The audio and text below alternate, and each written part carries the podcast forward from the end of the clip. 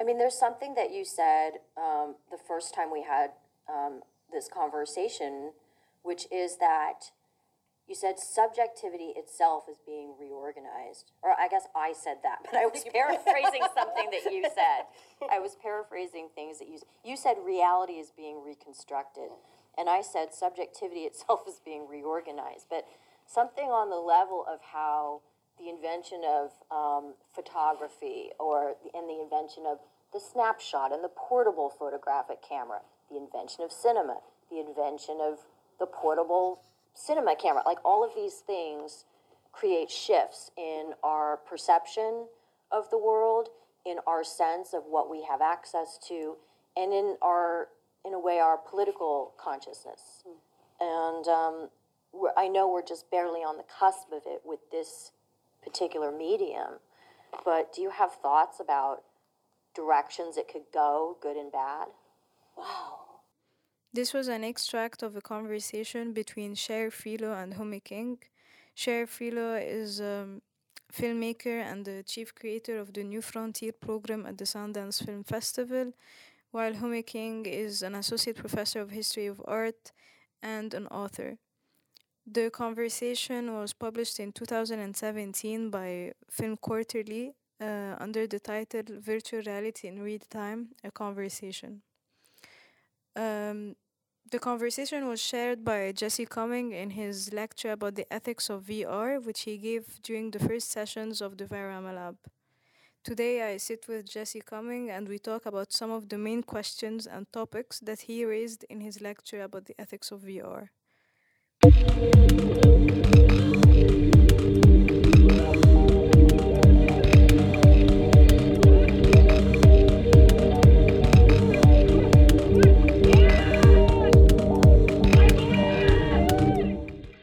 Jesse. Uh, before we start, could you please just say a few words about who you are and uh, what you do, and your role in the Viorama Lab that Medrar organized? Sure. So, uh, my name is Jesse Cumming. I'm a freelance curator and writer working mostly with uh, experimental cinema, artist films, uh, and I'm also a media lecturer here in Cairo at the Creative School um, at Universities of Canada. Okay, and could you tell us more about uh, what you did with the Viorama Lab in uh? I was invited to participate in the Viorama workshop as a guest lecturer um, early on as the participants were sort of conceptualizing their projects. I came in to give a sort of a presentation about questions of VR ethics and creative approaches to VR, particularly uh, looking at nonfiction approaches to, to VR and AR, and virtual reality. Okay, so I'm gonna talk with you about a few points that you mentioned during the the lecture. I really like the lecture you gave. Um, so at some point you talk about uh, documentary in VR and how uh, filmmakers are using this medium to make nonfiction films. And uh, when you talk about this point, you talk about uh, how empathy uh, becomes very central in this discourse about documentary filmmaking in VR because uh, people get to, uh, the audience, the viewer gets to be uh, present, literally, uh, in the space of and time of the characters the film is portraying. So empathy becomes very central in this discourse of documentary VR, um, which made me think a lot about the relationship between presence and empathy, and how and why is empathy in that context limited or uh, reduced to a question or a matter of presence? Is being present or is being in someone else's shoes literally uh, a way to understand that person or that character in a more uh, in a deeper way? So, uh, when we were talking talking a little bit about the history of nonfiction and VR in the past decade or so, one thing that sort of guides this scope is a, an early emphasis on work that was produced out of journalistic contexts. Places like the New York Times uh, really invested heavily early on in potential for VR, but alongside them, a lot of human rights organizations who are really interested in using virtual reality and VR not simply as a means of entertainment, but as a means of advocacy and awareness um, raising that could be shared with um, simply viewers around the world who had access to you know, consumer grade virtual reality equipment, but also to, to policymakers, to people in the United Nations, to people who were able to sort of get a closer glimpse at these mm, people who are living through tragedies, living through conflicts, uh, and the idea being that the closer they were to them by experiencing the world through their eyes, that this would have a greater uh, impact than if they were just reading about their story in a an article or just watching a, a single channel video of some sort. Um, obviously, this can be fraught in a lot of ways. The questions of who's looking and how they're looking,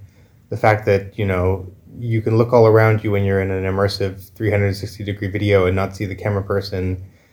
can give the suggestion that there's not someone directing a scene and that there's no way that in which the, the, the scene that we're watching is framed and composed in a certain way, but that's of course not not the case, and it's very very truly uh, composed and guided and editorialized image. We've seen this pushed back against in the past couple years to sort of trouble this question of a sort of immediate inherent empathy related to proximity that something like 360 and immersive storytelling permits. I mean, it's something for me that I think is interesting is that a lot of the times nonfiction has been related to technological advances, um, nonfiction moving image storytelling in particular over the past hundred years, thinking of something like the emergence of um, handheld cameras and handheld sound equipment, something like in the 1960s, led to uh, the movement of direct cinema, uh, both in France but also in North America. And so this led to a sort of turn and a shift towards image making practices and storytelling and this question of empathy. Um, I come from Canada, and so in the Canadian context, this is uh, most immediately discussed in the question of something called the Challenge for Change, in which uh, the National Film Board of Canada, you know, use a lot of these newly mobile technologies, sound, uh, new sound technologies, lighter cameras, and then later a bit bit later vi- video technology to uh, offer portrayals of people that hadn't been seen before. And it really was also grounded in this question of empathy. But it was also grounded in a question of giving these communities their own tools, which I think is a shift that we haven't seen quite yet in the question of VR. Uh, and I think it's a big one that remains to be seen of whether or not, you know, the sort of images that we see and the ways in which these immersive stories and first person stories that we see in a lot of the traditional, now traditional from the past 10 years, approaches to activist or journalistic documentary um, will change. And I think that there's a lot of potential once this sort of means of production are are handed down and they're not mediated in the same way through these sorts of uh, organizations and NGOs and uh, and publications. So do you, do you, are you convinced that like VR is uh, a tool that is about to allow us for uh, to have access to a recreate a new set of representations? That's a good question. Uh, I mean, I am someone who is interested in artist films and experimental films. So I'm someone who's interested in artists who use technology to sort of really push vision and push perspective and push perception into wholly new realms, which in times is, you know, the opposite of the goal of something like traditional documentary VR, which really wants to be as real as possible and to really capture the veracity of a place. Um, but again, that like any any film or any documentary in film or television show from the past, you know, hundred years, that's that's an artifice and that's a fallacy to assume that anything that we're looking at is wholly wholly real. Um, and so I really like this idea of you know pushing the art form and pushing the medium to a degree that really challenges our perspectives and challenges the ways in which we, we see the world.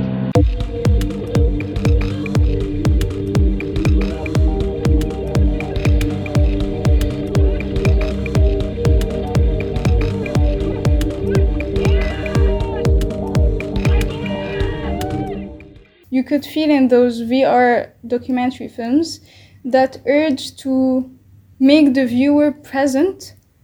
uh, in another space and time that is very different from their original space and time as a way to make them understand something that is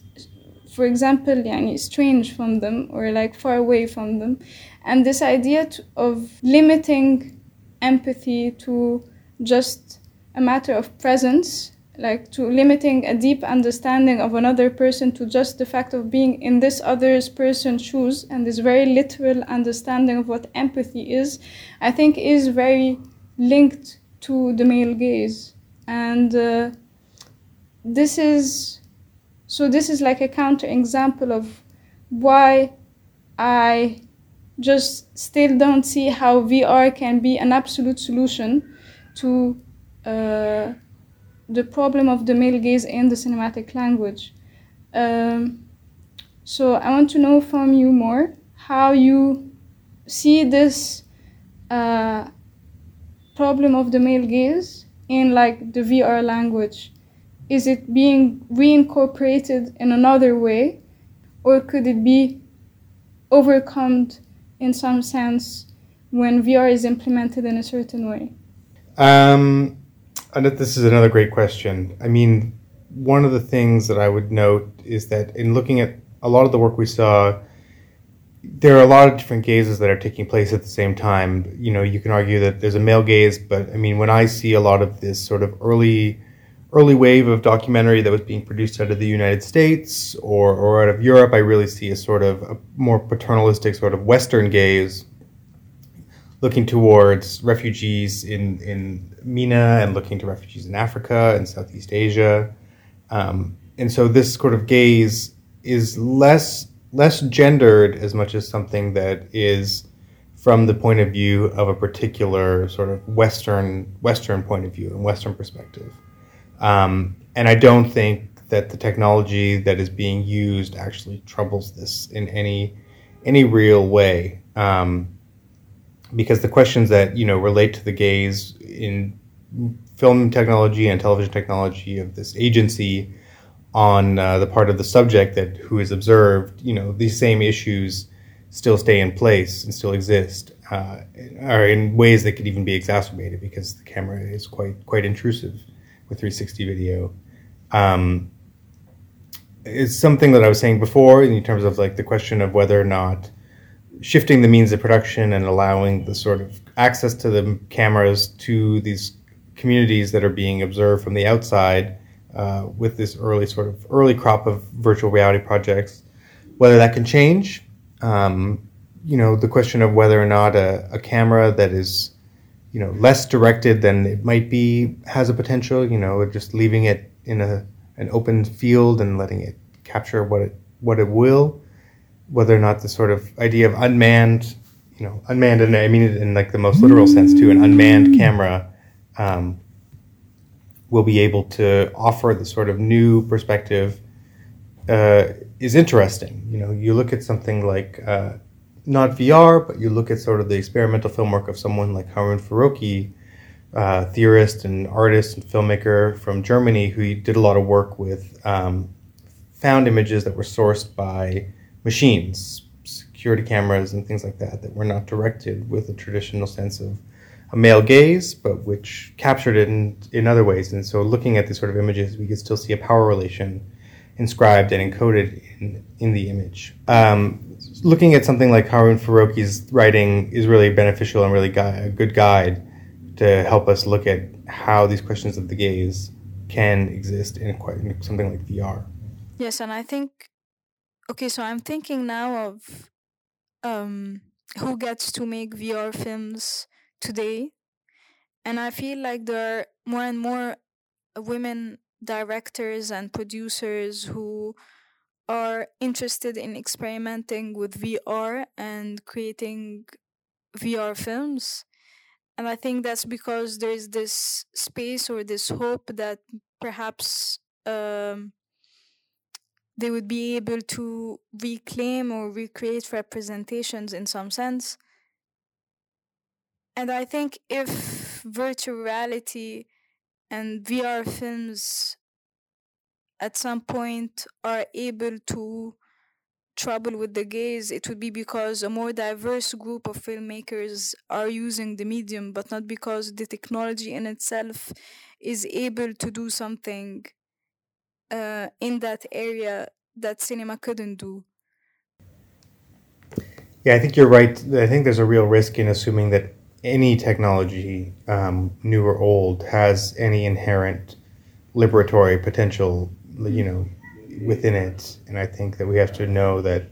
a lot of technology that's made is encoded with power, um, a lot of power that is already in place, and that one has to really consciously use this technology um, really th- think about it and really try and approach you know what you're trying to do with the technology um, with care and with caution uh, and to simply assume that because the technology is new and because it is you know as immersive as we call it or you know we experience it in a different way than we do something like a film or a television show that this inherently um, has a different impact you know a lot of the time uh, a VR film can be just the same as a, a traditional film that we would see in the cinema in terms of the way it represents its subject and the politics, and sometimes it's even worse. Um, you know, I'd like to think that there is a lot of potential for this language to evolve and for the technology to become more widely available, and that the more and more people work with this material, people will also learn how to how to watch VR films, and you know, as this language evolves, people will understand and develop a sort of uh, a media literacy around it, and that once this happens, um, same as the shifts we saw with traditional film technology, you know, from the mid 20th century on, it became a little bit more widely available. It's still a huge issue, but the global south, people were able to tell their own stories and represent themselves in a way. And I think that um, this can't happen soon enough in VR, particularly because these codes of storytelling and these codes of um, representation and these systems of distribution aren't as rigid as they are with things like film and television. I think that there's a lot of potential for um, you know any new technology to be used in new and fresh ways. Um, so I'd like to think that people will take this opportunity to sort of look at the material that is available to them and around them and tell their story in a way that doesn't feel beholden to standards. You know, a lot of the time you look at some early early narrative films that would come out of Africa being produced by Africans and they would simply try and recreate a lot of Hollywood style tropes because that was what they knew that was what they saw, and these were the distribution channels that they were aware of. But I think with VR, there's less of this, and it's a lot more open and a lot more free. And so I think that um, it's not necessarily a question of the technology itself being liberatory and having this potential, but the fact that everything around it um, is not as fixed as it could be. Um, you know, I, I, we see. You're right that there are a lot more women working in this field um, but I think above all, we need more more people of color, more marginalized people working. I saw a film just this past week, a new VR film. I won't name the artist, but it was by a woman working with the minority community, very you know uh, shown in a contemporary art context and pitched towards a political crowd. But I thought it still suffered from a lot of these sort of issues of what we've been talking about this entire conversation about this gaze um, sort of Western sort of gaze, sort of to me it looked like an exploitation of the people that she was working with, and I was I was quite disappointed to see it because I thought that this could be a quite interesting uh, quite interesting approach, um, and likewise it wasn't really pushing the the technology in any interesting way. You know, we were talking about the gaze earlier, and I remember what I had forgotten to say, which is you know, the there's an interesting new problem with the gaze in which filmmakers working in VR, documentary or narrative, um, are actually trying to guide the gaze even more than they were mm. before because you know with a, a, single channel film the audience member is captive and they can only look in one direction. Whereas with a 360 video someone has to look all around them and they can look anywhere they want. And so you have to actually you know embed a question of the gaze um, more concretely into the piece. If, if that's the type of work you're trying to make if you're trying to tell a story have characters, have plot, or, or have documentary beats that you're trying to hit, you need to embed a gaze and sort of force the viewer's gaze to align with what you want them to see at any given time. But I like the fact that there are artists who are interested in more immersive, uh, atmospheric work that try to abandon the sort of gaze and try to uncouple the sort of regimes of spectatorship that we've been used to for the past hundred years. Obviously, there's been experimental film and video art that you know is not beholden to narrative and character and is really happy to try and produce a sort of atmospheric uh, work that you just sort of drift in. Um, and I think that a lot of really nice VR work that I've seen um, permits this, and there isn't a particular plot that you have to follow, or there isn't a particular narrative that has to follow, but it can still be rich and political and full of ideas. You mentioned uh, Biidaaban by Lisa Jackson, which is an experimental speculative piece that was shot in downtown Toronto, um, but sort of overlays it um, and you know takes this this uh, photogrammetry of the city and imagines it in the future when the place has been pretty much abandoned by humans and overrun by by nature, and so it's not exactly narrative in a way. There are people for them like sketches. Sorry, there are there are uh, traces of humanity, and there are some text and poems but they don't function in a traditional narrative sense. They don't propel any plot forward. It's more offers a space of reflection, um, and I think that you know, it's not a traditional way of storytelling, and I think that this is a perfect example of uh, non-Western or like non-dominant uh, story, non-dominant uh, filmmakers being granted access to this new technology and really pushing the limits of what it can do um, in a way that is both political and artistic and exciting. So one last thing I would like us to talk about is uh, VR applications outside artistic practices, because there was this very interesting uh, experiment in Brazil where they gave people with um, disabilities VR headsets and they've put them in skeletons and linked the skeletons to the VR headsets. So um, those people who couldn't walk in real life in their VR experiences, they could actually walk. And when they came out of this experience, they regained control of their legs in real life. And I thought this experience was very interesting because it shows us how VR um, is able to rewire somehow uh, the connection between our brains and our bodies, something that until now cinema and video games were not able to do to that extent. So I think it's interesting that given that we take in VR experiences um, differently than films and video games, it's interesting to wonder and to reflect on how the, the, the possible uh, ethical questions that could raise from such an observation. I mean, you mentioned these great potentials, um, but it's a nice point to also mention some of the risks that are involved because this is, in ways, a really new technology. Um, and the study that you mentioned in Brazil is super fascinating, and there's a lot of psychological research that's still being conducted. It's still so early that we don't know exactly all of the impacts that VR has on our brains and our perception. Um, but one thing that early studies have shown is that we take in VR differently than we take in a film. Um, where a film, you watch it and it's sort of stored somewhere in your brain in terms of you know content or media that you've uh, you've experienced or, or, or, watched, whereas VR is, is stored elsewhere. It's stored alongside memories, it's stored alongside experiences. And there have been people who, you know, they may have experienced a, pretty lifelike VR um, work that then they weren't sure if that was a memory or something they had actually experienced. That, you know, they were actually there in that place in that time. And so I think this, this introduces some interesting ethical questions, and particularly in in terms of showing more uh, explicit content or violent content, things like that. uh, this is obviously one of the controversial, but one of the most interesting things about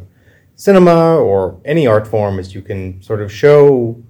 controversial topics, show dangerous things because you know it's simply for the sake of art and it's engaging with questions of humanity and existential questions that you know you're able to confront them in a sort of a safe way. But when you're doing this in an immersive uh, in an immersive environment coded within VR or things like that, there are different uh, impacts that it has on the brain. And so I think that, you know, as we begin to work more and more with VR, for all that there is this endless, limitless potential and ideas of working in new ways, I think it's something we also need to be be conscious about and be careful as we're working in it. You know, think think about the ways in which we're inviting people into these spaces, the ways in which we're imagining the new spaces, um, and the impacts that they that they can have. You know, uh, it's it's interesting and it will be more interesting as, as the years go on because this is you know increasingly a part of our daily lives virtual reality um, and we're going to only see more and more the impact that it has